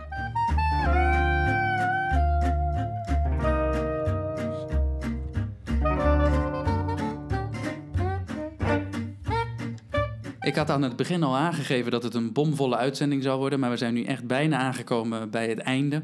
Als je meer wil weten over maakonderwijs, dan kun je natuurlijk terecht op de website van Arjan Per. Dat is www.makert.nl. De website van platform Maker Education is makereducation.nl. En daarnaast zijn er verschillende boeken, zoals het briljante boek Invent to Learn van Gary Stager en Sylvia Libo Martinez. En natuurlijk Rolf Huts boek Rolfs Maakbare Wereld. En sinds kort is zijn nieuwe boek Knotsgekke Surprises voor iedereen uit bij bol.com. Um, het boek The Art of Tinkering is een echte aanrader. En Astrid Poot die tipte nog in haar interview Grayson Perry Playing to the Gallery. Linken uh, naar al deze literatuur staan in de show notes van de podcast. Ja, en de volgende aflevering gaat over professionalisering. Met onder andere René Knijber en Jelmer Evers, auteurs uh, van Het Alternatief. Frans Droog en Michel van Ast van The Crowd. En Jaap Versveld van Stichting Leerkracht. Wil je reageren op deze uitzending? Heb je nieuwtjes of aankondigingen of vragen voor nieuwe gasten of voor Karin of voor mij? Dan kun je contact met ons opnemen. Dat kan via anonieme orangutan.gmail.com of natuurlijk als comment onder de show notes of via mijn eigen e-mailadres donzuiderman.gmail.com. En voor jou is dat Karin? jongleert.gmail.com.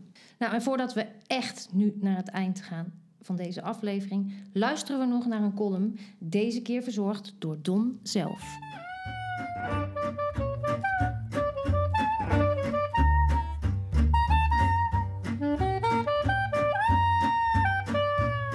Toen ik zaterdag bij de supermarkt de boodschappen deed, zag ik in het tijdschriftenrek uitgave 1 van een nieuw tijdschrift voor kinderen, Buurman en Buurman.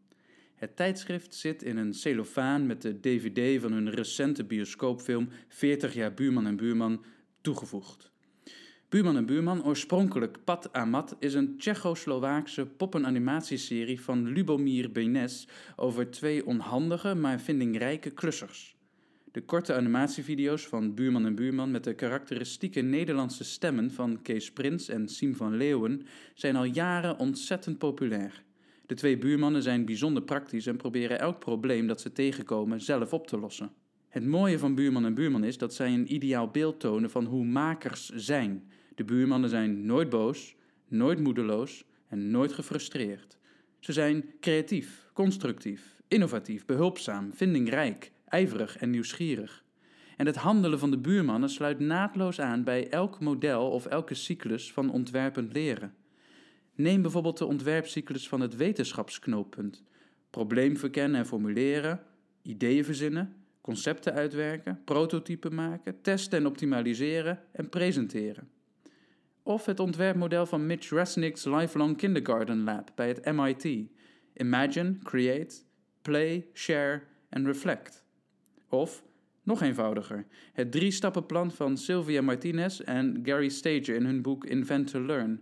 Think, make, improve. Al deze modellen en cycli hebben gemeen dat ze willen aansporen tot handelen. Ga maar doen. Ga maar testen.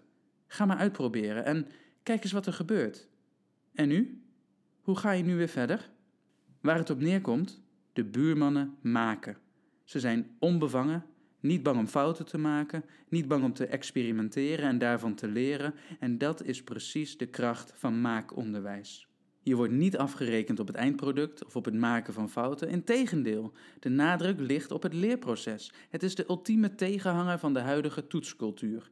En omdat maakprojecten betekenisvol zijn vanuit de belevingswereld van het kind, gaan leerlingen gemotiveerd aan de slag. En ze begrijpen waarom ze het doen. Bovendien ervaren makers het gevoel van daadwerkelijk iets maken, iets bereiken, iets oplossen. En dat is heerlijk. Een veelgehoorde oproep in de media is: meer mannen in het onderwijs. Maar ik zeg: meer buurmannen in het onderwijs. En buurvrouwen natuurlijk. Ajeto!